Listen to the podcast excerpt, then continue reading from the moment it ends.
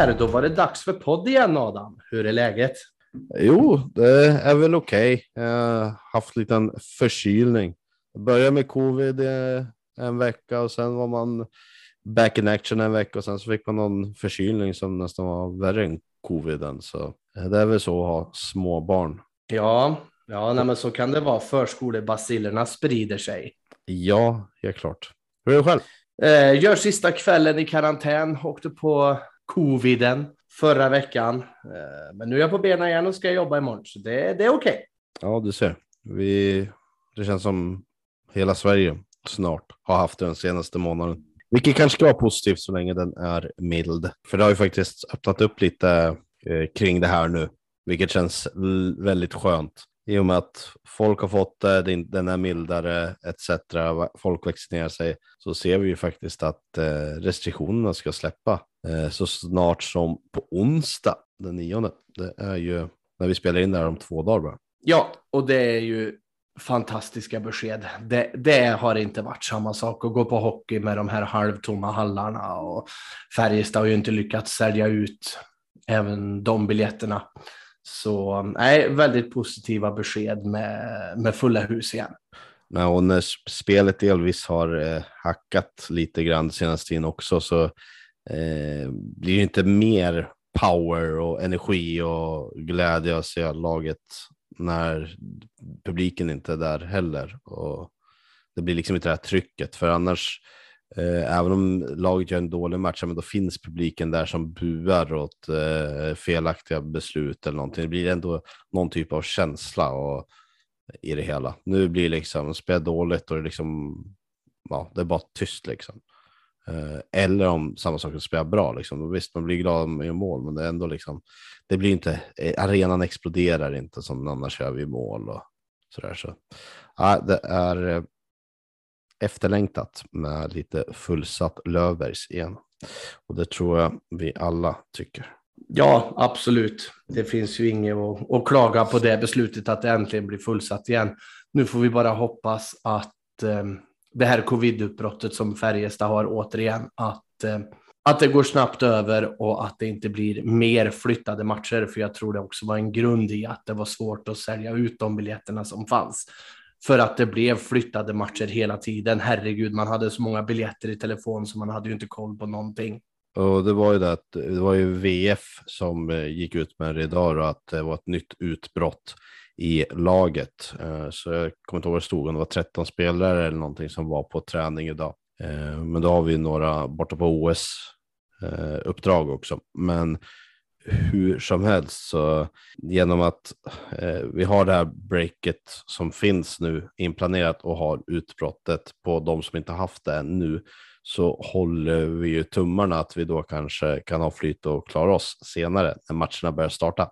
Och att de som nu har fått covid också har det milt och att de kanske då till och med hinner komma tillbaka tills vi har match. Vi ja, det får vi verkligen hoppas. Mm. Men vad har hänt sen senast då? Vi, precis efter att vi spelade in podden så mötte vi Växjö borta och förlorade 4-1.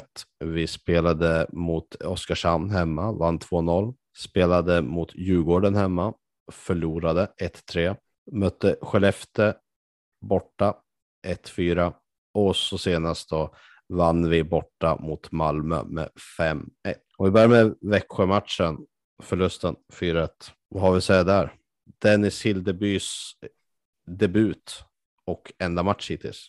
Eh, ja, det är det ju. Och Ehm, det började ju med, kan jag tycka, en målvaktstavla och jag kände bara nej, nej, nej, nej, nej, måtte han inte bli knäckt av detta och att det här rasar iväg. Men efter 60 minuter tycker jag att, att han är en av få som faktiskt är godkända den matchen. Jag tycker han gör en väldigt bra debut, bortsett första målet egentligen. Håller med. Han kan inte belastas på något sätt för våran förlust där i alla fall. Det tycker jag inte ja, han, han hade liksom första som sagt, han kom inte ner med benskydd i första stolpen. Resterande av målen fanns det ändå liksom. Det var skymningar och det var liksom, det var bra spel från Växjö som gjorde att, ja, han hade, hade liksom inte så mycket att göra. Visst, jag, jag sa det att hade, visst hade först stått till exempel, första målet hade kanske inte åkt in, och sen kanske han tagit en av de här tre andra. Men det är på, inte på långa vägar någonstans att det är anledningen till att vi förlorade matchen i alla fall. Nej, jag är helt enig med dig. Men sen mötte vi, eller därefter så kom egentligen vårt första covid-break som var då. Eh, så det var ju det var nästan två veckor lite drygt utan en match. Eh, och sen mötte vi då Oskarshamn hemma. Vann 2-0. En jäkligt stabil match tycker jag. Ja, det håller jag med dig om. Det var ju jättestabilt rakt igenom och det var fanns inte mycket att klaga på där. Vi stängde ju Oskarshamn totalt. Eh, Fursen tillbaka i kassen bevisar ju varför att han varför han är etta just nu. Han är ju en av ligans absolut bästa målvakter med den form han har nu. Eh, väldigt roligt att han får hålla nollan. Ja, men stabilt, rakt igenom stabilt egentligen den mm. matchen. Det var hans andra nolla och i många matcher har han, förutom nu på slutet, då, men alltså ett mål ungefär är vad Färjestad har släppt in. Eh, sen nu sist, i slutet har vi släppt in lite fler, men, men ändå. Det har varit eh, inte Furs fel, om man säger så. Han har snarare gett oss chansen tidigt när jag kunnat runnit iväg mer. En sån match var ju till exempel mot eh, eh de två andra mot Djurgården och Skellefteå. Eh, om vi börjar med Djurgårdsmatchen hemma där, 1-3, så var ju det ett, litet magplask mot jumbon i serien. Mm, det kan man väl säga. Jag eh, satt i restaurangen den matchen och där ser man ju väldigt bra och tydligt vad som sker och händer. Och, och jag eh, twittrade lite argt under den matchen. Jag fick ju första träningsmatchen i augusti-känsla. Vi möter alltså våra största antagonister. Det är känslolöst, det är uddlöst, det är fartlöst. Ja, men det, det, det var usch, det var en katastrofmatch skulle jag vilja säga. Du får inte bete dig på det sättet som Färjestad gör när vi möter våra största antagonister. Och jag struntar i om det är lite folk på läktaren eller om det är fullsatt. Vet man om att man möter sina största antagonister, då går man in med 110 procent och det gjorde inte Färjestad den kvällen. Nej, min reflektion efter det här var att vi öppnade ju väldigt bra och man såg hur jäkla dåliga Djurgården är i början, första tio minuterna. Tänkte oj, oj, men att vi inte fick in någon puck var ju lite tråkigt. Men så här, det här fortsätter så här så vinner vi det här lätt. Det var, det var ett tag sedan jag tyckte att vi var så pass mycket mer överlägsna det andra laget i början ändå. Eh, men efter det, ja. Eh, efter, jag har pratat med andra om den här matchen, eh, framförallt Djurgårdare då. Då har jag sagt att eh, man ser verkligen hur jävla dåliga ni är. Men Färjestad var ännu sämre den här matchen. Vi blev invaggade i något, alltså vi blev påverkade av Djurgårdens dåliga spel så att vi själva spelade lika dåligt. Vi lyckades liksom inte hålla uppe vårt, vår kvalitet. Och det är det jag tycker som är så konstigt, för dagen innan möter vi Oskarshamn och det är hur stabilt som helst. Liksom det är fart och det är fläkt och vi stänger ner dem totalt. Alltså, det har ju varit så mycket snack om deras första kedja och det är en av landets bästa första kedjor, absolut. Eh, men vi stänger ner den totalt och så kommer det här magblasket dagen efter. Den som kan svara på varför det blir så här behöver nog inte oroa sig särskilt mycket om pengar framöver. För jag tror det är en omöjlig fråga att svara på egentligen. Det är nog flera, flera aspekter i det. Allt, ja. En sak är ju, det var andra matchen på två dagar. Alltså, det, jag, jag håller med om att det inte ska se ut så här oavsett, men efter ett covid utbrott som har varit. Det, var, det kändes verkligen som att soppan tog slut man var bra på första tio, sen liksom var det att, ja, som jag sa, man bara åkte in i deras. Eh, man blev kanske lite bekväma vid att, eh, hur spelet var och följde med i det än att försöka dra upp sitt egna tempo i det hela. Eh, kanske delvis att man var lite eh, trötta generellt och kände att ja, det, vi, vi, det funkar det här liksom. Vi kommer kunna ta dem. Man kanske fick samma känsla som jag fick i början och trodde att det skulle lösa sig enklare än vad det gjorde. Men det är återigen ett bevis på att man måste prestera mot alla lag i den här ligan, för det är så pass jämnt ändå. Vi hoppar vidare till nästa match som var mot Skellefteå borta och det blev ju förlust 1-4 och till den här matchen då blev vi av med våra tre toppcentrar. Vi fick lira med Peppe Lund, normalt sett var fjärde center som första center. Dina reflektioner från den matchen? Ja, så vad, du, du säger det ganska bra själv. Vi, vi tappar våra tre första centrar som åkte iväg på OS och det, det märktes ju. Vi, vi blir lite tunna på centersidan. Sen, vi, vi har ju en tydlig gameplan och det är att vi, vi ska grisa den här matchen. Och jag tycker vi gör det ändå riktigt bra i två perioder. Vi, vi står upp för varandra, vi täcker skott och vi, vi, gör, vi gör det vi kan efter resurser den matchen. Eh, Skellefteå har inte tappat de starka namnen till OS som vi har gjort och det, det märktes. Jag tycker ändå att trots resultatet så gör vi en fullt godkänd match uppe i Skellefteå. Inställningsmässigt så var den ju eh, många steg upp mot Djurgården, men nu hade vi kanske inte den kvaliteten på spelare i den matchen. Vi saknar både Linkan och Lillis eh, och sen våra centra då, Rydal, eh, Delaros och eh, Linus Johansson. Jag, det är ju ett hel, en helt annan kvalitet på tappen kontra vad Skellefteå hade. De hade i princip Pudas borta, Kühnhackel, Loibel och Mann, målvakten. Och om vi börjar med målvakten, ja, Straussman eller Gustav Lindvall, båda är hög kvalitet i den här ligan, toppskiktet. Det spelar ingen roll vem de står, det är liksom inte ett tapp på det sättet så länge den ena är hel. Och i den här matchen var ju Gustav Lindvall hel, så det, det var inget tapp. Sen hade de Pudas då, ja, en av seriens bästa backar. Eh, men det hade lika gärna kunnat varit en, en skadelse. Det är en, en back av 6-7 som han spelar med. På forwardsidan Kynackel och Loibel som egentligen tillhör nästan tredje, fjärde kedja. Och eh, hade det var, här varit svenska landslaget tror jag inte en av dem hade blivit uttagen.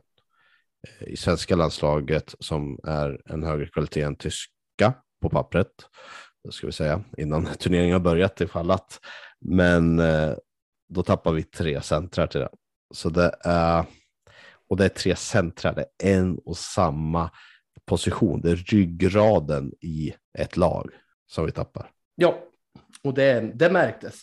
Ja, och sen utöver det så hade vi, har vi haft Linkan borta och Lillis var borta på den här matchen också. Även om Lillis haft en lite tyngre säsong så är det ändå en kvalitetsspelare som gör mycket gott ändå. Efter det, då hade vi Malmö borta den senaste matchen. Vi vann 5-1. Eh, jag tycker att vi gjorde väl en bra match, men vi hade lite mer eh, medstuds i den här. Eh, Malmö, det var inte alls kanske en fem match kan jag tycka. Det jag tog med mig mest från den här matchen var egentligen att vi fick tillbaka Linkan och Lillis. Linkan efter ett långt, ett långt break med ett gäng skador nu. Så det, är efterlängtat. Han har spelat en match sedan i november. Eller vad Ja, det stämmer. Han kom ju tillbaka efter skada och så spelar han en match och så blir han skadad igen. Boom. Eh, mer otur än den mannen har går nog knappast att få om man går till sportsliga sammanhang. Eh, det är ju en lirare av klass utan dess like, men så mycket skadad som han är, det, är det oflyt och du sa att du tar med dig dem, att Lillis och Linkan var tillbaka. Jag tar med mig en helt annan sak från den här matchen och det är ju, det är ju nummer 14. Eh, han har fått kritik under säsongen, välförtjänt kritik. Men nu äntligen får han göra poäng. Han gör tre poäng i den här matchen och är stor bidragande faktor till att vi faktiskt vinner med 5-1. Ja, men absolut. Nummer 14, det är Viktor Ejdsell. Ja. Du, vad säger du? Ska vi inte ta och prata med honom då? Vi kör honom som gäst. Ja, nej men absolut. Vi bjuder in honom. Ja, vi kör då. Nej, men då så, då har vi han här. Hagfors stolthet, Färjestads nummer 14. Viktor Ejdsell, välkommen. Tusen tack, tusen tack. Välkommen. Hur står det till? Men det är bra. Eh, sitter i karantän. Eh, mår ändå rätt så bra, men eh, lite uttråkad och redan på dag ett. Så att, eh, men men, vad ska man göra? Du, du föll på målsnöret med andra ord. Eh, exakt så skulle jag väl påstå. Eh, man ser fram emot det. Men, men å andra sidan tänkte jag att nu när, när alla restriktioner släpps, då kommer det väl att komma en supervåg att alla andra kommer få. Typ. Nu när vi har spelledigt och lite grejer så kommer det väl i alla fall rätt lägligt Men eh, fan, man har känt på i, i två års tid och inte haft det och faller det på dagen innan typ. Så ah, ja, det har ju ja, det har ändå varit två stora utbrott som du ändå har klarat dig ifrån ja, verkligen. Eh, var det fjol, förra säsongen så tror jag det var, var det 22 pers som hade det. Var typ tre stycken som klarades. Eh, och nu har det väl, den här gången så var det 15, 16 stycken och sen så kom typ resten i helgen nu. Så det var, ja, det var att köpa alla uppdrag mer eller mindre. Det finns väl ändå något positivt i att eh, de flesta sista nu har det nu då, under det här lilla breaket som vi faktiskt har, så vi kanske kan Ja, slippa senare. Ja men verkligen. Jag menar annars så, nu vet man väl inte riktigt hur länge man är immun. Men eh, säg att det är ett halvår eller vad det kan vara. Då slipper man i alla fall. Den här säsongen kan man ju faktiskt spela utan att vara sjuk på grund av corona då, i alla fall. Mm. Om det nu finns kvar efter onsdagen. Ja, Exakt, vi, vi onsdag är får borta. se. Ja. Så här, vad är corona för någonting? Är någon som har hört om ja det? ex exakt. Det var mindre blott. Ja, exakt. Vi tänkte vi startar med lite snabba frågor sådär. Eh, sen får du utveckla om det är så. Eh, men eh, får vi se. Det är lite högt och lågt. Jajamän, det ska det vara. Eh, vi börjar med en liten låg. Favoritfärg? Det är nog eh, grön. Snyggt. eh, center eller ytterforward? Eh, ytterforward. Och där vill jag ha en liten. Vad är det som eh, ytterforward mer än center? Då? Eh, nej men det är väl kanske blivit mer att jag, är- jag är mer bekväm där. Jag har ju spelat ytterforward nu i fyra år i, på raken i princip. Jag har varit inne och spelat center någon enstaka match. Så det är klart att jag är, mer, jag är mer, mycket mer trygg på, på, på kanten än vad jag är i mitten. Men det är klart att jag menar, har jag spelat 20-tal matcher på raken som center då kanske det blir en helt annan, ett helt annat svar. Men eh, som läget ser ut just nu så är det forward, ytterforward. Jag kommer inte ihåg ordagrant, men i intervjun nu förra matchen mot Malmö sa du någonting med att du, som center måste du tänka mycket mer. Eller var någonting, eller du måste vara mer defensiv eller vad det var som du tyckte var lite. Ja, ja, men det blir ju lite mer att man måste vara, som du säger, måste vara mycket mer defensiv. Eh, se till att man ligger alltid rätt i banan. Det blir mycket större ansvar just att man, eh, ja, man ska ju vara, man kalla ryggraden i, i hela, i hela kedjan egentligen. Du ska vara, du ska vara hjälp till på forwards offensivt, du ska vara hjälp backra defensivt. Och Det är ju skillnad när man är forward, då blir det mer att man som forward så är det ju bara mer offensivt tänk egentligen. Det blir ju inte alls samma ansvar defensivt. Så att, eh, det är väl det- det som har varit det svåra de här matcherna när jag har klivit in. Är att men, offensivt det är ju mer naturligt för, för mig i alla fall. Än, en och då blir det ju naturligt att ja, då får tänka lite mer på det defensiva och kanske bli lite mer försiktig. Och, ja, men, det, blir, det blir där det kan bli lite kaos i, i kolan. Man ska sortera och hålla på. Ja. Kan du vara sur? Eh, ja, men det kan jag. Men det är inte, det är inte jätteofta. Ja, för man brukar se men, det ibland. Men det händer. Ja, oftast så är du väldigt glad av det och ibland kan det bli vara lite sämre spel och så zoomar de in och visar på bänken. Då sitter du där och ler. ja, nej, jag, jag är väl en sån person. Jag är väldigt positiv av mig och ja, men absolut inte någon som går runt och, och är arg och sur och så där bara för att det går dåligt eller vad man skulle på säga. Utan då försöker jag ta tag i det eh, med den personen som det verkligen berör i så fall. Så det inte ska gå påverka så många andra. Liksom. Jag är inte bara sånt som sprider dålig energi. Om du inte vore hockeyspelare, vad skulle du syssla med då? vet inte. Jag jag är utbildad eh, s- snickare, men det var ju några år sedan nu man höll i en hammer.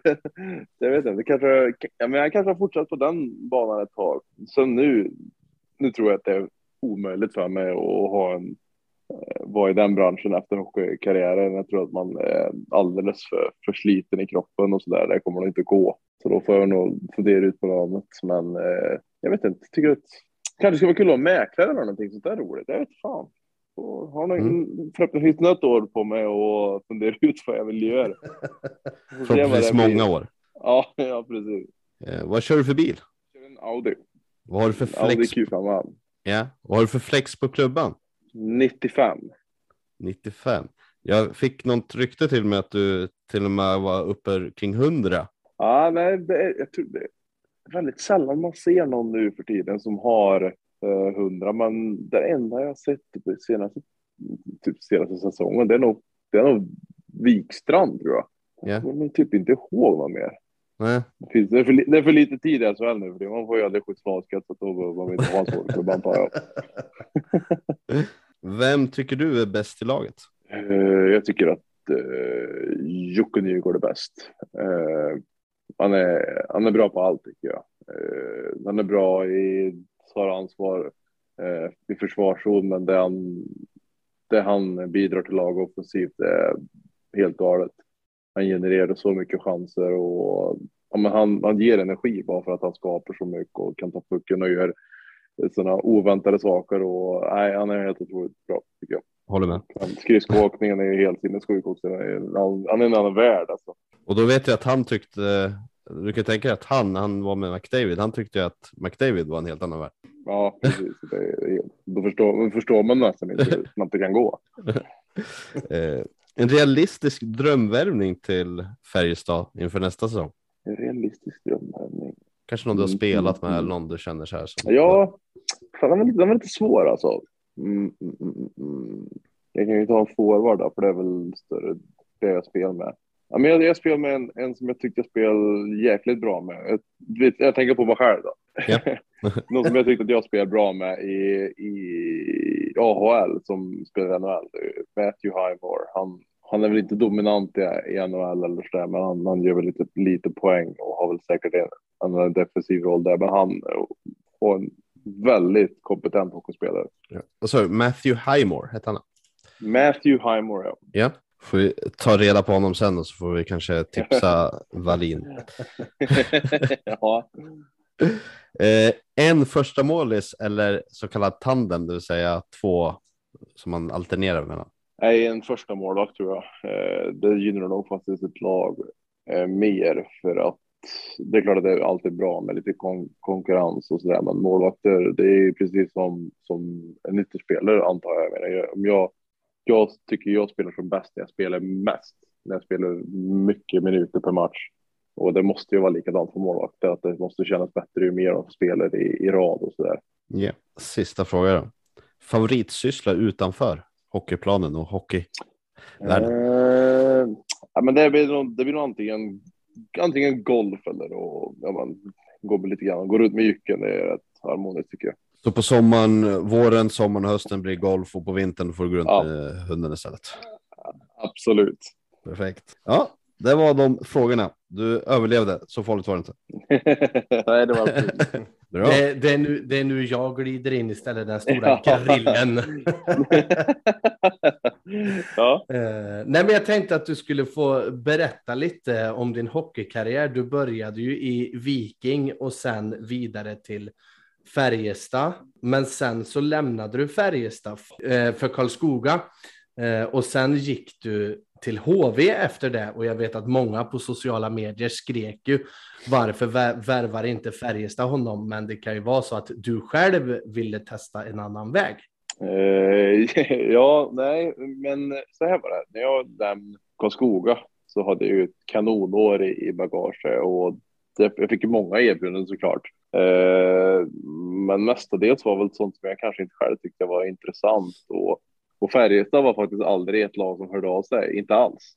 Vi hade ingen kontakt alls efter den säsongen, vilket var för, för min del också var en, en liten chock eh, med tanke på hur hur jag lämnade. Det var ju först så skulle jag få kontrakt av Färjestad och kanske blivit utlånad, men sen så, så blev det ingenting alls och då, ja men, vart det Karlskoga och det vart jättebra ändå. Men det kändes ju ändå som att, ja man, vi kanske skulle haft kontakten lite grann och liksom de har ändå koll på mig för att jag är värmländsk och sådär, men det kändes liksom inte så att de gjorde det.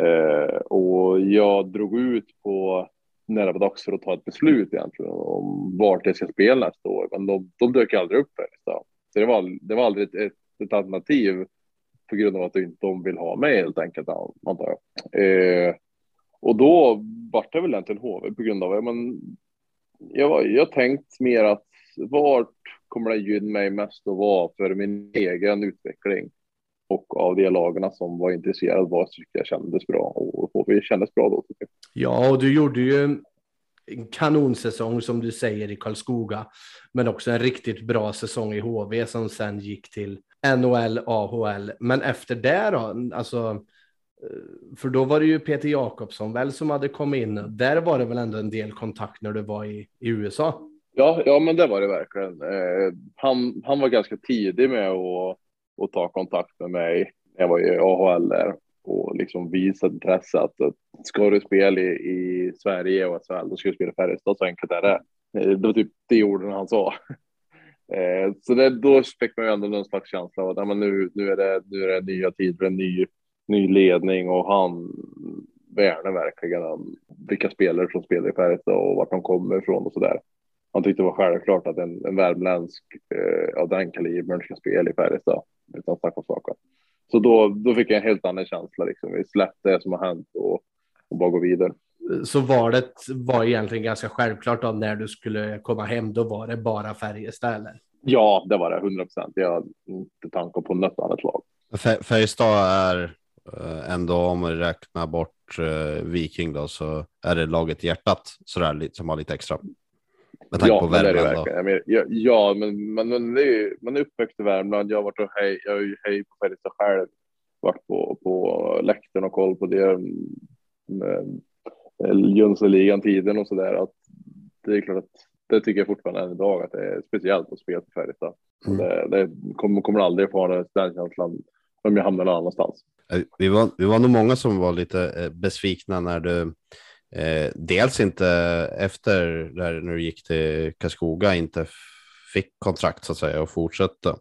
Eh, jag gjorde en liten snabb koll i min, jag är ju lite flitig twittrare så jag kollade snabbt på ja. när jag skrev Ejdsell första gången och det var 2015 08 09. Så det var någon, efter en försäsongsmatch där 2015 för sju år sedan snart. Då skrev jag att Ejdsell kan komma att bli en riktigt viktig pusselbit i flera år framåt om gårdagens match inte var en tillfällighet. Ja, och det var rätt mycket som jag vet att jag, ja men jag, jag, jag har själv aldrig spelat hockey så där, så jag ska inte säga att jag har några bra hockeyögon så där, men jag tyckte att eh, av det jag såg då så var det ju verkligen att du, du gjorde skillnad när du kom upp där i, i början, helt klart.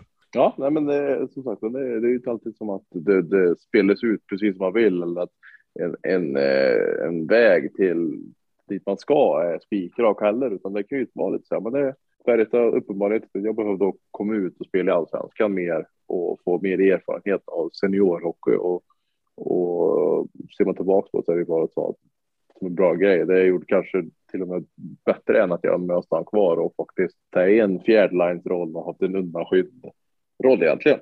Mm. Sen är ju Bofors en väldigt bra plantskola också har vi märkt genom åren. Det är ju många som ja. har gått dit som har blommat ut.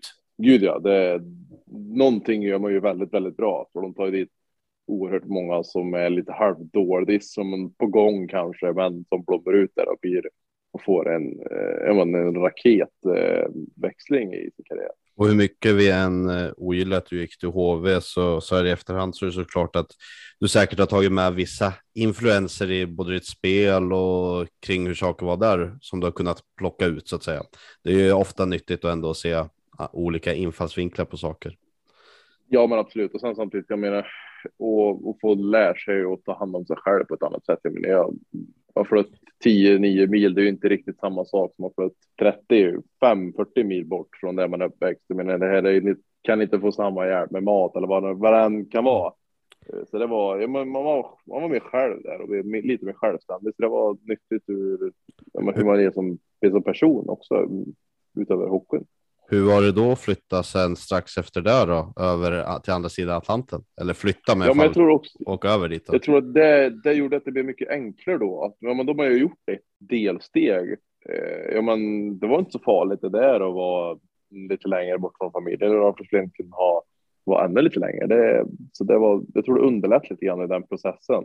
Eh, sen så att jag fick åka över från HV till AHL och spel en halv säsong också, gjorde också såklart eh, mycket för att man får ja, men smakstart och lite grann spela en mål och sen åka hem och förbereda sig på vad som komma skall på riktigt. Hur var det då att köra de där NHL-matcherna? Vad har du för intryck? Och det var helt, ja, det är helt otroligt. Det går inte riktigt att, att föreställa sig hur, vilket tryck eller vilken och mycket människor som kollar på en och man står på line-upen och de sjunger nationalsångerna. Det är helt otroligt alltså.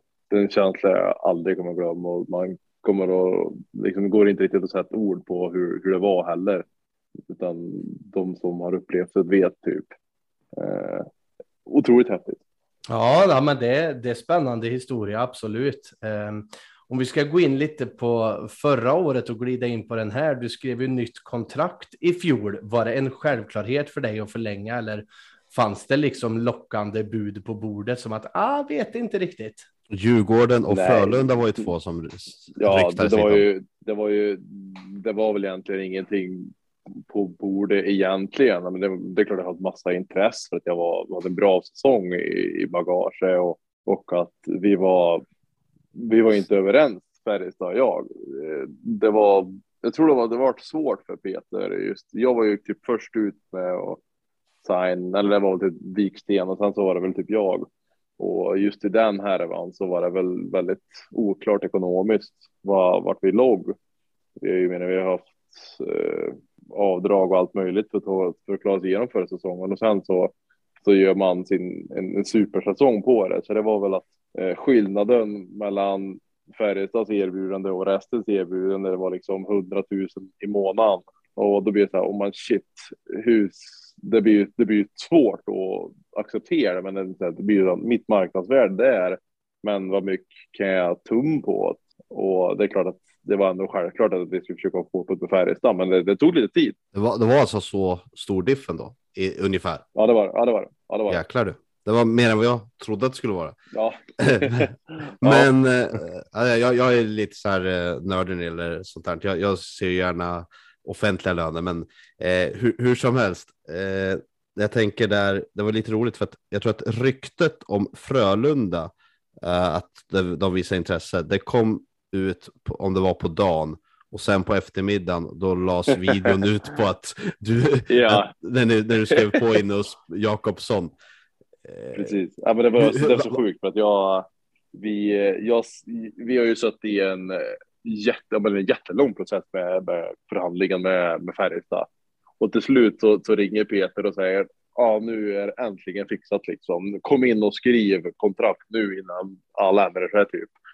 Och då var det så här, ja, ja men fan, ja, jag får dra det. Och precis när jag sätter mig på cykeln, och jag cykel in till, till Peter, så ringer det någon från Hockey News och bara, ja, och jag bara, vad fan ska jag säga?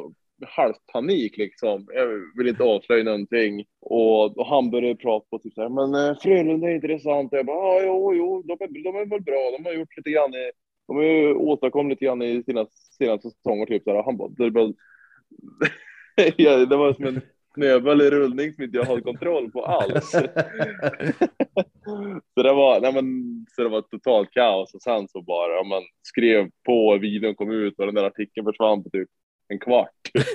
ja, jag, jag, tyckte, jag, jag tyckte synd om han och jag tror inte vi har pratat sen där så jag får väl passa på att be om ursäkt men jag vet inte riktigt hur jag skulle hantera situationen.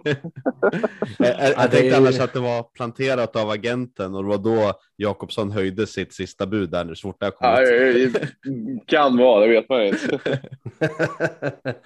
men eh, Peter Jakobsson då? Eh, en personlig favorit hos mig som nu inte finns i föreningen längre. Eh, nu har ju Rickard Wallin kommit in. Eh, vad är största skillnaden på Peter Jakobsson kontra Wallin? Uh, nej men, Peter är ju en känslomänniska ute i fingerspetsar. Alltså han är ju, det märks ju när han är besviken och arg och ledsen. Och Wallin är ju lite mer, men han, han håller sig cool oavsett resultat. Han är bara liksom se till att eh, han var väldigt tidig. Vi gjorde, jag kommer inte ihåg, det var nog Skellefteå Skellefteå hemma där vi spelade riktigt kast. Då kom han in och då var liksom det, det enda jag sett Wallin sagt någonting. Han bara, ni bestämmer här och nu vad ni ska göra. Ni pratar igenom med varandra. För det här får aldrig bli ut. Och så gick han därifrån och det är typ allt han har gjort. Men annars är han bara där och liksom ser till att allt mår bra. Medan Peter var lite mer flummig och skratt och tjo och.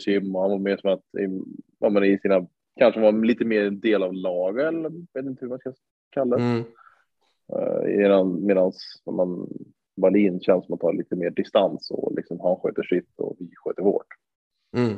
Ja, det finns ju positiva och negativa bitar i, i båda delarna. Absolut, absolut. Uh. det var ju väldigt, Peter gjorde ett väldigt, väldigt bra jobb med att ja, men han, han är så bra med människor så att han såg ju till att han fick ju i princip varenda spelare han verkligen vill ha här i Färjestad. Eh, nu är jag övertygad om att Wallin också kommer göra ett väldigt, väldigt bra jobb för att han är som man har så respekt för han för att han är så klok och, man har sån erfarenhet så att jag tror att det, det löser sig några då. Det kommer komma Färjestad spelare eller spelare Färjestad i, i nästa säsong också. Eh, men de är, de är olika och som du säger, det är för och nackdelar med allt. Ja, men så är det ju. Men eh, din egen säsong då? Ja, in, in, in, inte lika bra som förra, men det känns som att du, du gnuggar på. Och det känns ändå som du, du gräver inte ner dig. Bra match senast. Mm, nej, ja, ja, ja, det var på tiden. Det var en, en sten som lättare kan säga från, från ryggen på x antal kilo. Nej, men det är klart att det, det är tufft. Jag, jag har ju ändå krav på mig själv att jag vill vara mer produktiv än vad jag är just nu. Jag eh, vill eh, spela en bättre hockey än vad jag kanske har gjort. Eh, samtidigt, har det har varit lite annan roll. Liksom. Jag, I fjol var det så jäkla solklart att det var jag, Daniel och, och Petersson och vi spelade mycket och vi spelade allt. Och i år har det varit mer Ja, men jag har ju i samband med att inte jag har varit tillräckligt bra så jag har fått eh, inte spela lika mycket och då blir det svårare såklart. Eh, men jag, jag, menar, jag gör vad jag kan. Jag försöker att träna extra. Jag försöker att ta hjälp av alla jag kan ta hjälp av för att nu kommer en hund här. Eh, men jag försöker att göra allt påverka på det sätt jag kan påverka. Eh, och det är ju det jag själv gör och det är ju det, den tid jag lägger ner. Mm. jag, är- jag är absolut inte den som lägger mig platt och bara liksom, ja man skit, skiter väl i det här, utan jag försöker ändå göra det jag kan. Men Mm. samtidigt inte så att jag vill heller inte vara den som går runt och sprider dålig energi för att jag själv spelar dåligt. Jag menar, vi, vi vinner matcher, vi har klättrat upp i topp top fem nu, så att livet är ju ändå inte piss. Och det finns mer saker än hockey. Nej, men så är det absolut. Och jag kan säga att jag blev fruktansvärt glad när du gjorde de här två målen plus assisten senast mot Malmö. Det, det kände, alltså det, man såg nästan lite på det också att äntligen sitter puckjäveln. Ja, men Ja. lite så. Jag menar, jag, det senaste tiden har vi ändå försökt att ha ett annat mindset i matcherna och det är ju, ja, man gör, försök att tänka på vad ska jag vara bra på? Ja, men jag ska vara bra på att vinna pucken och ta pucken till mål. Ja, men då skjuter jag på allt jag, allt jag kan skjuta på och jag försöker att vinna all min dueller. och någonstans där, till slut så släpper det. Det släpper när det släpper, men till slut så gör det det. Mm. Hade, hade du gjort backhand-målet om du inte hade satt den här första? Nej, det tror jag inte. Absolut Nej. inte. Inte en chans i världen. men, det, men det var så skönt. Det var som en, tur att när jag gjorde mål där i powerplay så kändes det som att all vi som var på isen förstod att det här är en, det är en lättnad och all var verkligen glad för min skull och det är många som har hört av sig. Det, det, var, det kändes verkligen som många har vänt på det. In, in, inte bara jag. Så det var, det var rätt skönt att man gläds åt, eh, åt det i alla fall. Jag kan säga som jag sa, jag är rätt Twitter-aktiv och jag såg det var väldigt många som var mer glada över att det var du som gjorde mål än att vi gjorde mål, om man säger så. Ja, ja men det är bra. Så, så var det inte Nej, bara i men laget det- och det, du som kände så. Nej, ja, så är det såklart. Jag menar, ja, men det, det blir ändå någon slags, det blir en bild av mig. Jag, menar, jag har ju ändå producerat hyfsat mycket de senaste säsongerna. Jag gjorde poängbästa säsong i SHL i fjol och sen i år bra, riktigt bra start och sen så har det bara gått en lång period där det har varit ja, men för dåligt helt enkelt. Men eh, blicken framåt, jag tycker att känslan är ändå bra. Jag har känt en längre tid att ja, men, jag tycker att det känns ändå, ja, men, spelet börjar bli bättre och bättre, men eh, poängen har inte kommit så att eh, förhoppningsvis så släpper det rejält nu och så rida på vågen lite grann.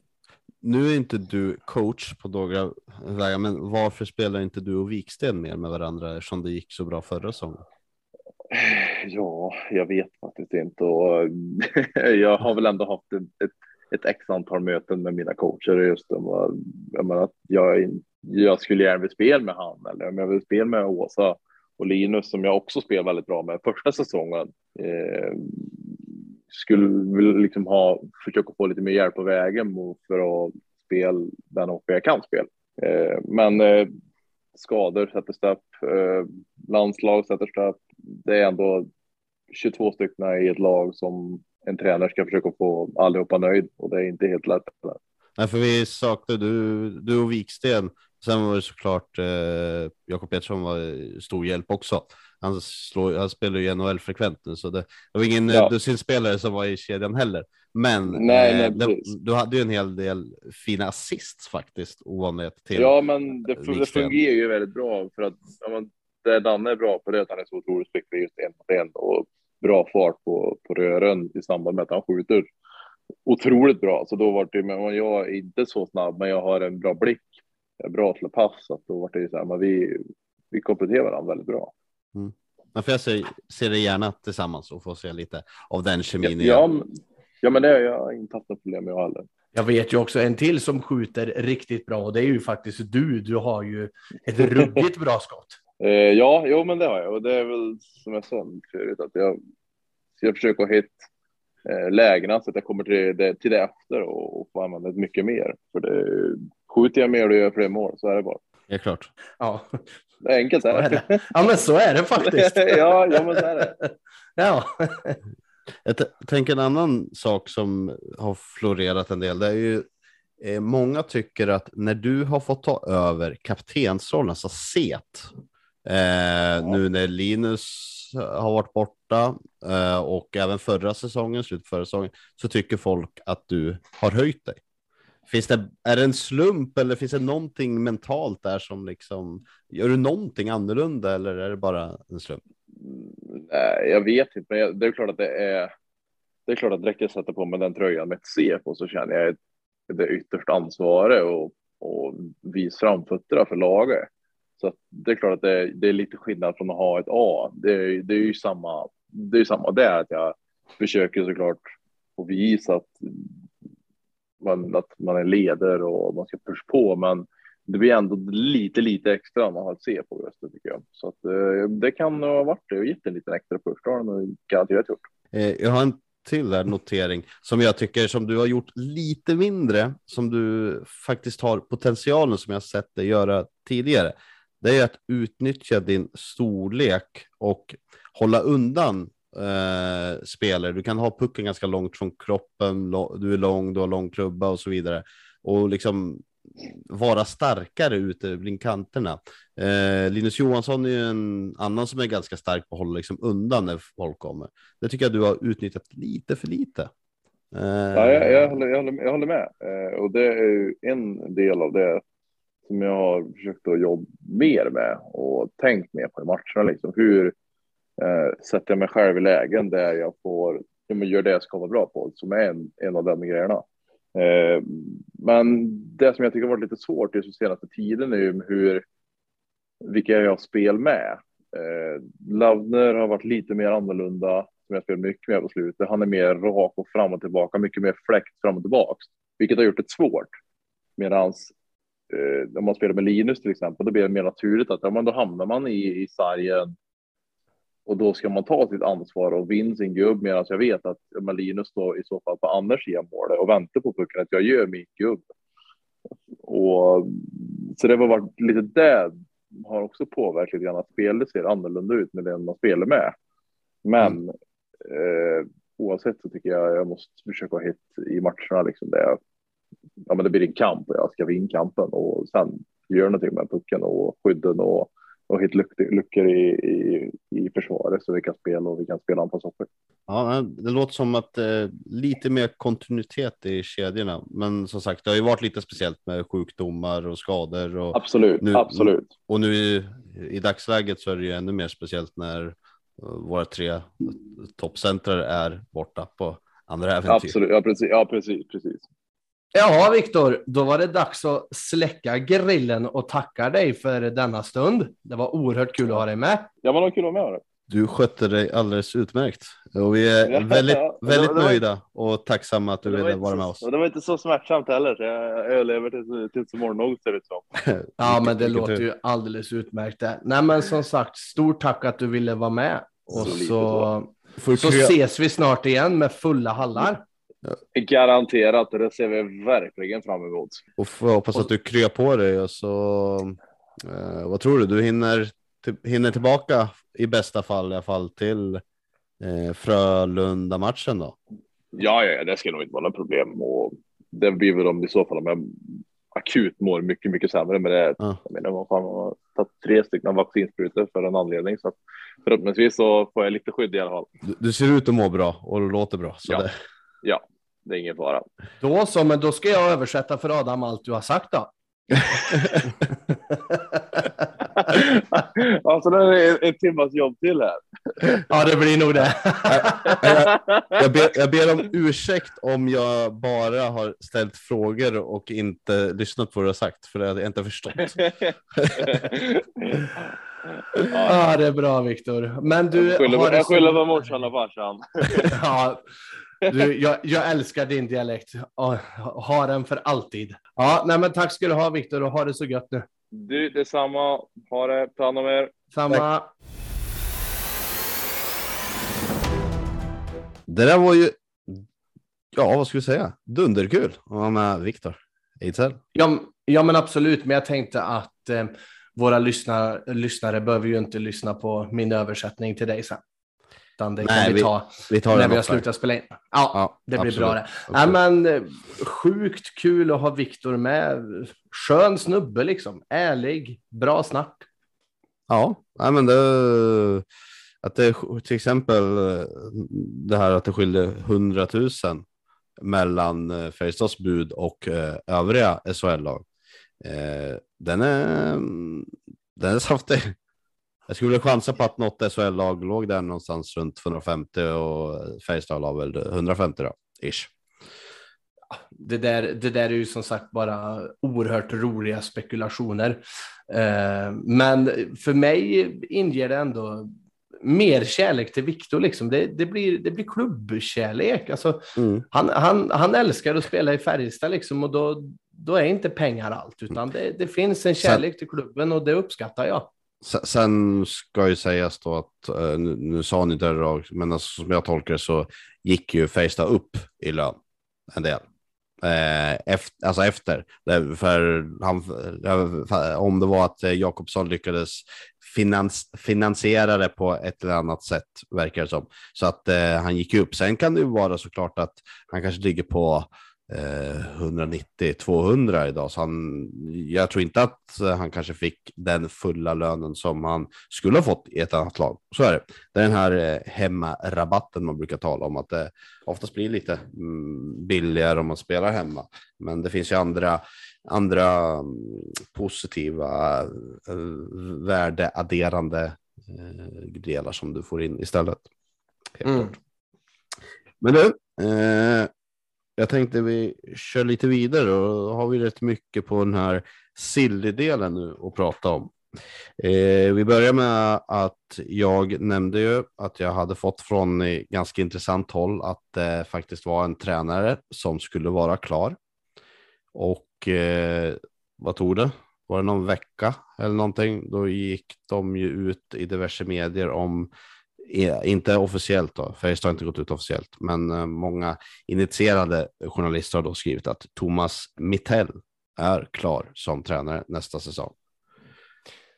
Reflektioner? Ja, eh, nej men jag tycker att vi ska vara nöjda med det valet. Eh, som sagt, jag har ju en oerhörd förkärlek till Johan Penneborn, men någonstans så måste man ju byta huvudtränare och Thomas Mittell är ju ändå ett av de mest spännande namnen på marknaden. Han är 41 år gammal, han kommer från två år i NHL. Ehm, innan det så har han varit i AIK och gjort det riktigt bra där och så har han varit assisterande i Mora till Colliton. Alltså det, ja, men det är ett oerhört spännande namn som vi verkar få in. Så ska man ersätta Johan Penneborn så är nog det här helt rätt namn att göra det med. Ja, det är ett av de namnen som fanns där ute som faktiskt var intressant också. Eh, och den erfarenhet han har fått från NHL, eller de influenserna han får därifrån, kommer vara spännande att se. Eh, det är i mångt och mycket annorlunda. Förhoppningsvis kan han ta med sig de positiva grejerna där. Och precis som du sa, när han var i AIK gjorde han det riktigt bra. Eh, de var i toppen, nära men eh, till sin hjälp där hade han ju en assisterande tränare som ansvar för backarna, Jeff Jacobs. Och det är ju en annan eh, tränare, en assisterande då, som nu ryktas eller han har blivit lite intervjuad och utfrågad och mm, det ena och det andra gör ju att det pekar åt att Jeff Jacobs skulle kunna vara en eventuellt assisterande tränare till nästa säsong. Ja, men så är det ju och jag tror ju så här att om nu Mittell är klar så tror jag även att Jeff Jacobs är klar. Han har familjen kvar i Bålänge. Um, ehm, han har utgående kontrakt med Oskarshamn. Han har gjort ett fantastiskt jobb i Oskarshamn. För jag menar, om vi bara går tillbaka till våran tippning där, hur många hade tippat Oskarshamn topp 8? Det var nog bara kanske Oskarshamn själva som hade gjort det. Resten tippar ju dem ganska solklart i botten, så han har ju ändå gjort ett fantastiskt jobb med deras backsida. Jag undrar om inte Växjösupporten Petra tippar dem rätt högt. Jag för mig att de gillade Småland. Ja, jo, men så, Ja, men så kan det ju eventuellt ha varit. men också där en ung tränare, vad är han, 32? Kan det stämma? Jag tror han är lite äldre, eller? Han kanske är 30 plus i alla fall. Ja, ja men, någonstans där så, jag menar, de som känner mig kommer ihåg hur glad jag blev när vi signade Geron Dahlgren, ett av de mest spännande tränarnamnen på marknaden då. Jag säger exakt samma sak om Jeff Jacobs nu, att det är ett av de mest spännande namnen vi har på tränarmarknaden i Sverige idag. Ja, nej, men absolut. Nej, men du, du hade rätt. Han är född 89, så 32. Jag mm. tänkte på Mittell. Uh, han är 41. Ja, han är 41, ja, ja. precis. Ja. Men då kommer ju en annan fråga. Jeff Jacobs är ju backtränare och idag är det Thomas Rodin. om vi ändå ska spekulera lite. jag vet ju att Rickard Wallin kommer inte klara det här jobbet själv. Ser vi en framtida sportchef igen för Thomas Rodin då eventuellt?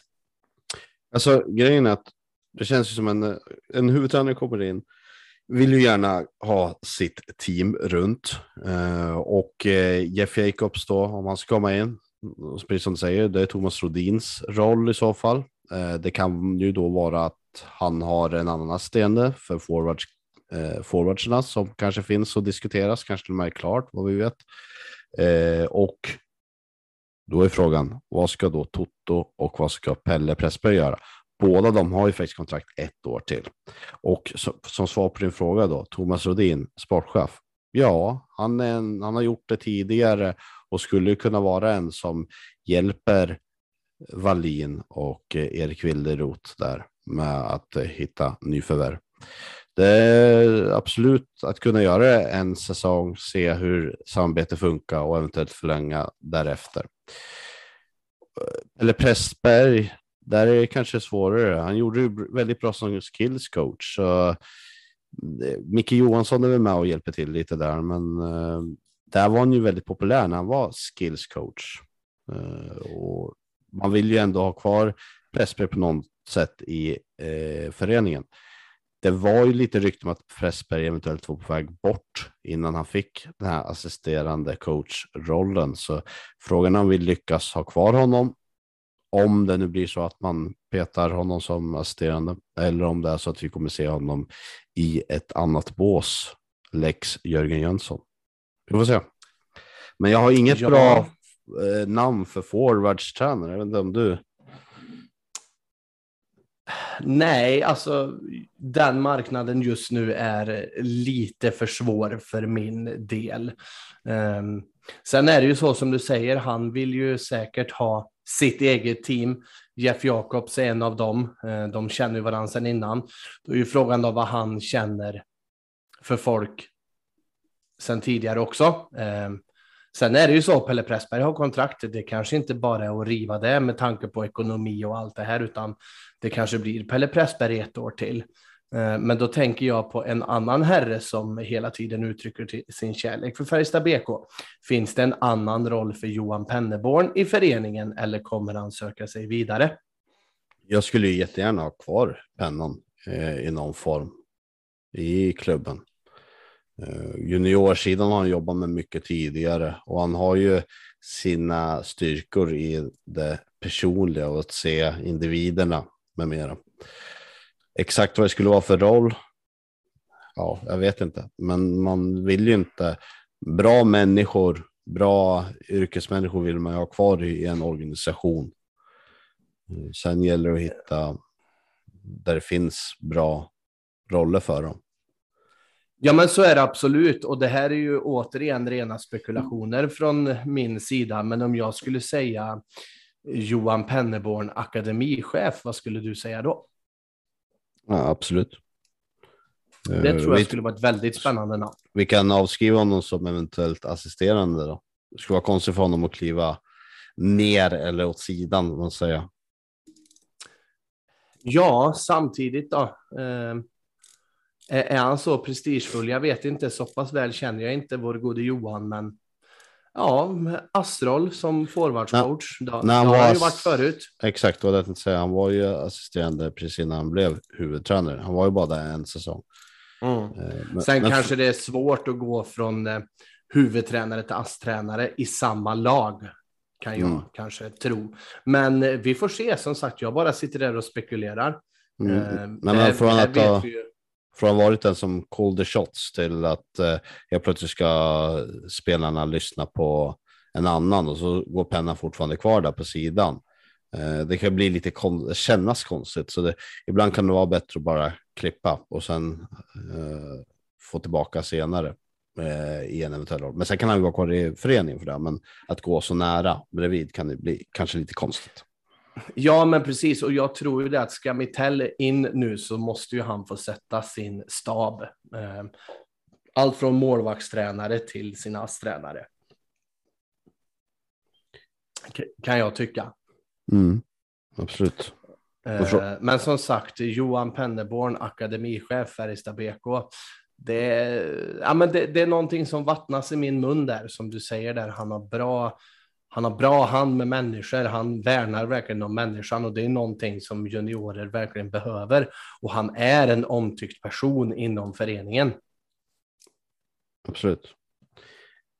Eh, vi har utöver tränaren då, till nästa säsong så har vi ju dels, vi var inne på under förra podden så var vi inne på Anton Berglund och Lukas Forsell.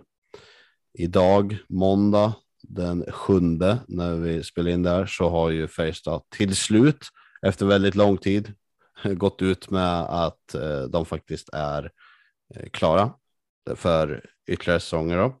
Anton Berglund har fått sitt rookie-kontrakt som är den här, ja, den här säsongen plus ett år, det vill säga säsongen, till och med säsongen 22-23 och Lukas Forsell till och med säsongen 23-24, eh, två år. Och det var lite där du frågade mig om längderna där. Och jag mm. var väl inne där att Anton Berglund, liksom, det är ett år som jag skulle vilja se, kortare, medan Forsell skulle jag kunna tänka mig längre. Och det var precis vad det blev också. Så jag är överens med längderna. Två år som sagt plus den här säsongen på Forsell känns alldeles perfekt. Och Anton Berglund ett år. Det, då får han visa att han ska ha ett riktigt kontrakt sen. Annars får han eh, får jobba på sig i typ Hockeyallsvenskan eller liknande. Ja, fast jag är nog lite mer tvärtom där. Jag tycker att Anton Berglund har imponerat mer än Lukas Forsell. Sen ska tilläggas att båda två har gjort det jättebra. Det är inte, jag sitter inte och sågar Forsell här nu, men ja, jag hade gärna sett tvärtom att Berglund 2 och Forsell 1. Ja, då är vi oense där, helt klart. För eh, eh jag tycker Forsell har visat så pass mycket kvalitet Även om man båda är oslipade så. Sen har kanske inte Berglund gjort sina stora misstag, men jag tycker ändå att det blir lite. Ja, på ett sätt så har ni en defensiv roll, så han är ju svårare att få till någon så här flashig stil. Forsell syns ju på ett helt annat sätt. Så är det ju. Men jag tycker att mm. Forsell mm. ändå har bidragit lite mer. Och jag tycker mig känna att det finns en liten större uppsida hos Forsell än vad jag ser i Berglunds spel. Eh, men som jag sa förut till Viktor Ejdsell, jag är långt ifrån någon hockeyexpert i det här. Så men det är min eh, högst amatörmässiga åsikt, om jag säger så. Men vi har ytterligare till nästa säsong då. Eh, på den sex söndagen efter att vi spelade in våran podd så skrev jag till det att nu måste vi spela in en ny podd. För nu har jag en spelare klar för nästa säsong. Eh, sen tog det bara 12 timmar, sen så var ju VF där och avslöjade stort intresse för en viss spelare från Färjestad. Och sen tog det väl ytterligare 12 timmar eller något så kom väl Aftonbladet eller om det var Expressen och skrev att det var klart. Eh, och det är Axel Bergqvist som spelar i Mora. Ja, eh, ung kille. Eh, har väl egentligen bara sett ett klipp med honom och skottet verkar ju vara helt okej okay, alltså. Det, det ja, får han, säga. Det var en fin, det var ute en video när han fick till ett riktigt fint slagskott från blå, lite som eh, eh, Nygga. Nygga-stil på det. Ja, nej, men så är det ju. Och där har du också en, en spelare. Eh, är det dags att komma hem nu, Magnus? Eller blir du kvar ett år till? Mm. Magkänslan efter att ha lyssnat på podd och så där är väl att han eh, tyvärr kanske blir kvar en säsong till. Men jag vet inte. Du får eh, prata lite med honom där och säga till honom att det är dags. Ja, jag får ta och ringa till honom här efteråt och säga nu kommer du hem. Det är dags nu. Men eh, Axel Bergqvist i alla fall, han eh, som alla säger så ses han väl som en ersättare till Albert Johansson som lär lämna för NHL nästa säsong. Han har ju varit på lån den här säsongen eh, och vi ska vara glada att han var ytterligare en säsong. Även om han nu inte kanske spelmässigt har kommit upp i, äh, i nivå, men jag ser ju en positiv formkurva hos Albert. Men Axel Bergqvist då, han eh, poängstark back, eh, vänsterskjutande tyvärr, hade gärna sett en högerskjutande. Eh, har, har sin grund egentligen, han eh, är läxing i grund och botten, så det är ändå fint och starkt av oss att eh, lyckas knyta åt sig honom. Eh, hoppas ju att eh, han kan ta ytterligare något steg sådär. Men vi är ju i behov av defensiva backar. Och inte minst eh, kanske en defensiv back till den här säsongen. Eller vad tycker du? Ja, nej men det har vi ju pratat om före säsongen och även under säsongen. Och nu när det blir som det blir i KHL, jag har ingen aning om hur, hur plånboken ser ut, men vill man gå långt i kommande slutspel så är det en defensiv back som, som måste in. Annars så är jag rädd att det kan bli respass ganska tidigt tyvärr. Men en fält här i defensiven, då, ja, då kan det gå längre. Ja, för det som har hänt i KHL är ju då att de har beslutat att de ska avsluta eh, grundserien nu i OS-breaket. Så de kommer räkna ut ett poängsnitt och vilket gör att det är åtta lag från KHL som nu har missat slutspel. Eh, det ska röstas igenom, vilket inte gjort än, men det är Ryssland som får väl igenom det på ett eller annat sätt till slut. Eh, och det betyder att ett gäng lag har spelat färdigt. Det gör att vi kanske tyvärr kommer se en Marek Rivik i Leksand. Kanske en eh, Daniel Sar i Rögle, vilket är fina förstärkningar för dem där. Men vi skulle vilja ha en back och jag har väl. Jag kollade runt lite och såg en så klassisk Elite Prospects scoutning gjorde jag och det finns säkert sex namn som jag kanske fastnar lite för. Eh, dels har vi en bekanting i David Rundblad, eh, för detta Skellefteå lirare som har varit utomlands väldigt länge nu. Eh, risken finns att han går till Skellefteå, men jag tycker att de har många bra backar också. Så eh, ja, han skulle vara intressant helt klart. Sen är det ju utländska spelare. Det finns en som heter Reese Scarlett som är en kanadensare eh, och han är rightare. Jag ser ju helst, ska det komma in en, även om det är defensiv, så ser jag gärna en rightare för att kunna bygga en bättre eh, dyna, eh, vad ska jag säga, dynamik i eh, backparen.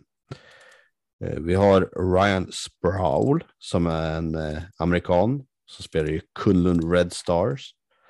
Vi har en annan writare som heter Janis Jaks som eh, är en annan, han är från Lettland som spelar i Sochi, också writare. Sen har vi en intressant eh, spelare som heter Jake Chelios som är alltså eh, han var, Chris Chelios son. Eh, ja, visst var det sonen? Ja, Du glömde bort själv vad han var. Ja, ja, han spelar också i Kunlund. Han är dock leftare. Eh, men eh, lite intressant värvning. Och sen är det en tjeck också som heter Michael Jordan. Det var coolt namn. Jag tror du skulle säga Wojtek Morsik. Ja, nej, och han finns också. Men jag skrev faktiskt inte upp honom. Men han är Nej. faktiskt en av de här.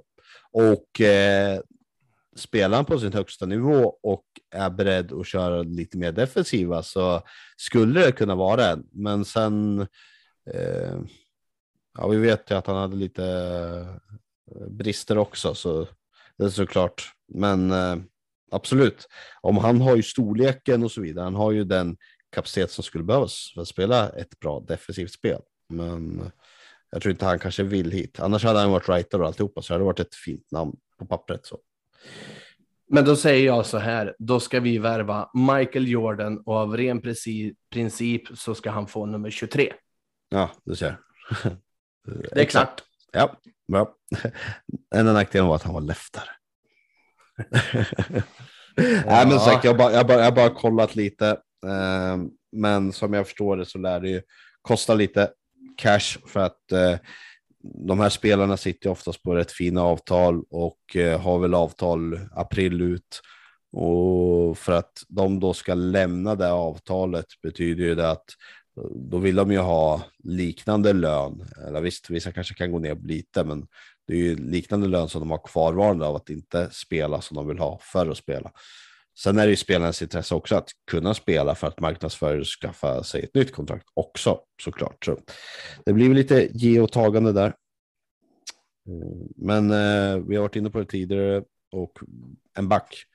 Målvakt känner jag inte st- lika stort behov. Hildeby visade att han ändå kan vara helt okej, även om det är ett oprövat kort. Eh, backarna behöver vi en defensiv, skulle jag vilja ha. Och sen forwards är jag nöjd med. Men vi är ju inte ensamma och jagar back. Det känns som eh, majoriteten, 80 procent av SHL-lagen jagar en back. Tyvärr. Ja, någonstans där är vi ju tyvärr. Så det, det kommer ju bli huggsexa och då för de här snubbarna så handlar det ju väldigt mycket om pengar. Och pengar är ju någonting som vi inte har just nu i våran spelarbudget. Så då handlar det väl om att försöka Ja, men vi går för guldet. Kommer du hit så kommer du vinna. Att man går för det snacket mer. Så är det. Och eh, en liten lätt, men det är ju för alla. Men det är ju att eh, restriktionerna nu släpper. Eh, Färjestad hade ju budgeterat med en eh, successiv ökning hela tiden. Och eh, nu släpper det helt.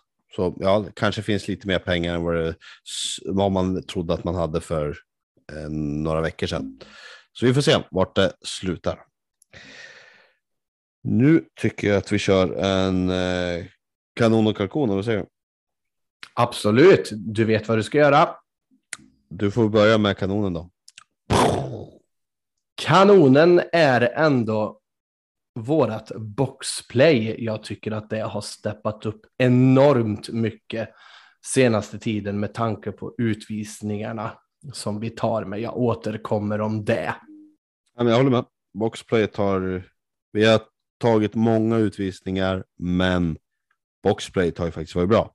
Vi har, ju- vad ska jag säga, vi har fått öva. Och det har övning ger färdighet. Det är väl så. Så det känns faktiskt ganska stabilt. Eh, jag eh, kör min kanon då. Eh, och vi har varit inne lite på det och det är ju restriktionerna. Att eh, de tas bort från och med onsdag den nionde. Vi kommer kunna ha fullsatt. Eh, och jag, ja, jag har, nu har det varit en ganska kort period ändå. Jämfört med vad vi hade tidigare. Men man har, man har saknat det. Jag, Ja, men det har man absolut och äntligen får man stå där igen. Full ståplats, bra drag. Det är, man längtar efter att stå där med sina kamrater igen och, och bara ge järnet för Färjestad BK. Jag måste säga en sak. Såg du det att eh, TV4 Sporten har ju tagit tillbaka kanon och kalkon nu? Jag undrar vem av dem som lyssnar på våran podd. Ja, jag trodde att vi Jag sa till dig att du skulle se till så att rättigheterna var säkrade, men uppenbarligen var det någonting som... Ja, det var lite som att jobba i motvind där kan jag säga. Mm. Jävla skit. Men, men, vi kör vidare på en eh, kalkon då. Och hur låter den? Jag tror den låter... Hör du den där? Ja, för det där var ett bra inspelat ljud. ja, men jag tänkte höja kvaliteten lite här. Ja, det, var, det var min röst alltså. Jag har suttit och spelat in den här. I, jag har övat, övat, övat. Sen tänkte jag att jag var tvungen att spela in det så det blir bra. ja, det, det, var det absolut klart. min röst och inte något klipp, random klipp från Youtube, jag lovar. Ja, ja, ja. Eh, nej, men jag kan börja där också då. Och kalkonen blir ju eh, våra dumma utvisningar. Eh, som du sa, med övning kommer färdighet. Vi har ett väldigt bra boxplay, men när man hör våra ledare stå i intervju efter intervju, vi måste, ta slu- vi måste sluta och ta dumma utvisningar. Men det känns som att 80 procent av utvisningarna vi tar är dumma utvisningar. Vi måste sluta med det. Ja, det är svårt att förstå ändå att det kan vara så jäkla mycket. Eh, Det är okej, alltså man, dumma utvisningar kommer kunna ske, men det är så, när vi går runt och har sju, åtta på en match liksom. Vi Ja. har fyra på första perioden. Det är klart som fan det blir svårt att komma in i något bra spel och kontinuitet och få till någonting. Det är ju som att eh, jobba i uppförsbacke eh, i, i minus 50 och motvind liksom. Ja, men Så. så, är det ju. Och sen, sen vet ju alla vad jag tycker om, om domarkåren. Den är inte bra, men någonstans så måste vi lära oss den nivån. Att det är en dålig nivå. Då kan vi inte hålla på och ta de utvisningarna som vi gör. Nej, men vi kan fan inte skylla på domarna för de flesta av våra utvisningar. Sen finns det en del, några, men alltså utan så kanske vi hade blivit av med några. Men äh, ah, någonstans är det laget som tar de här. Och nej, sagt, när man pratar om det, och de, precis som du säger, jag har varit inne på det i varenda jäkla match nu senaste 10, 15, 20 omgångar sedan som man pratar om det. Varför blir det ingen skillnad? Vad är det som gör?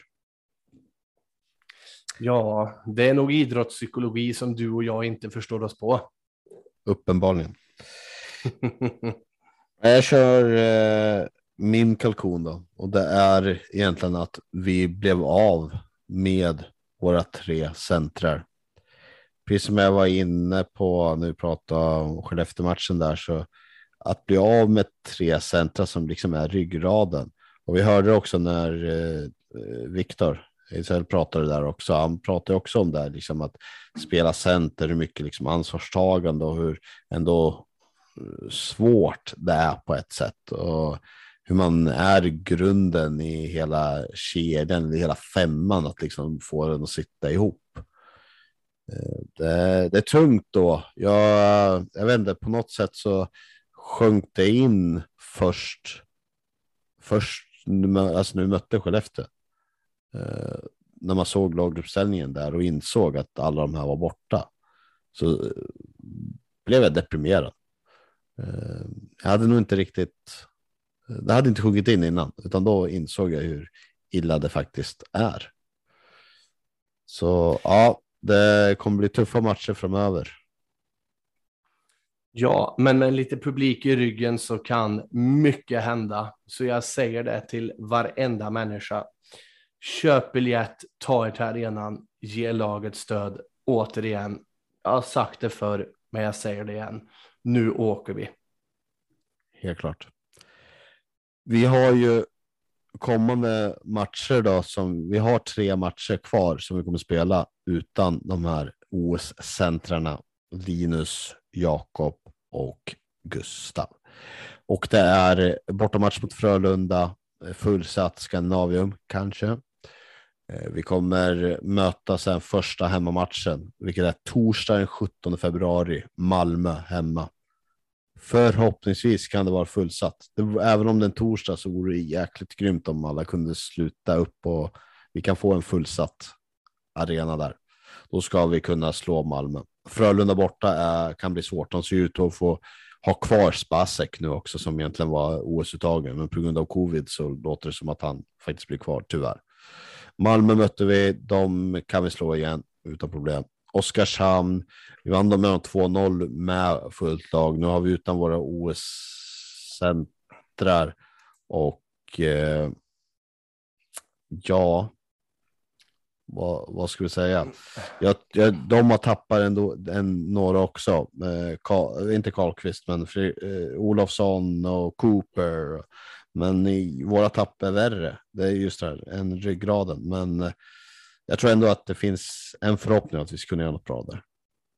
Sen hoppas jag att våra OS-spelare kommer tillbaka till matchen efter när vi möter Skellefteå hemma. Och då jävlar ska vi äntligen vinna över dem. Ja, alltså om du räknar på de här tre matcherna då, nu drar det verkligen ihop sig. Ska vi in på topp sex, då är det nästan då är det nästan sju poäng som gäller alltså om vi ska vara med i topp sex för att nu drar det ihop sig och tabellen är tajtare än på många år alltså. Det är ruggigt vad tajt det är. Det är två torsk och vi är borta från topp sex liksom. Två, två vinster och vi ligger fyra.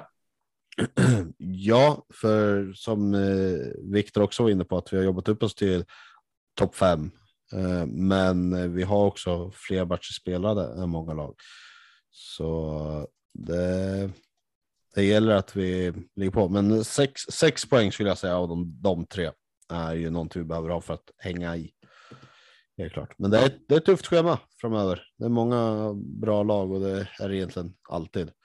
Men vi, jag såg att vi avslutar ändå de, av de tre sista matcherna där så möter vi Timrå två. Vi möter dem back to back torsdag, lördag borta hemma. Eh, så vi ska komma ihåg det mot slutet att det, om allt vill sig väl så är det ju faktiskt sex poäng på de matcherna som vi borde egentligen ta. Så vi kan göra en fin rush i slutet i alla fall. Det ska vara med oss. Ja, vi kör på det. Då känner vi oss lite nöjda för idag då. Det gör vi. Vi tackar så mycket för idag och på återseende. Hoppas att ni alla gillade det vi, vi pratade om idag och njöt av gästen. Och glöm inte att följa oss på sociala medier så hörs vi. Ha det bra. Ha det bra. Hej då.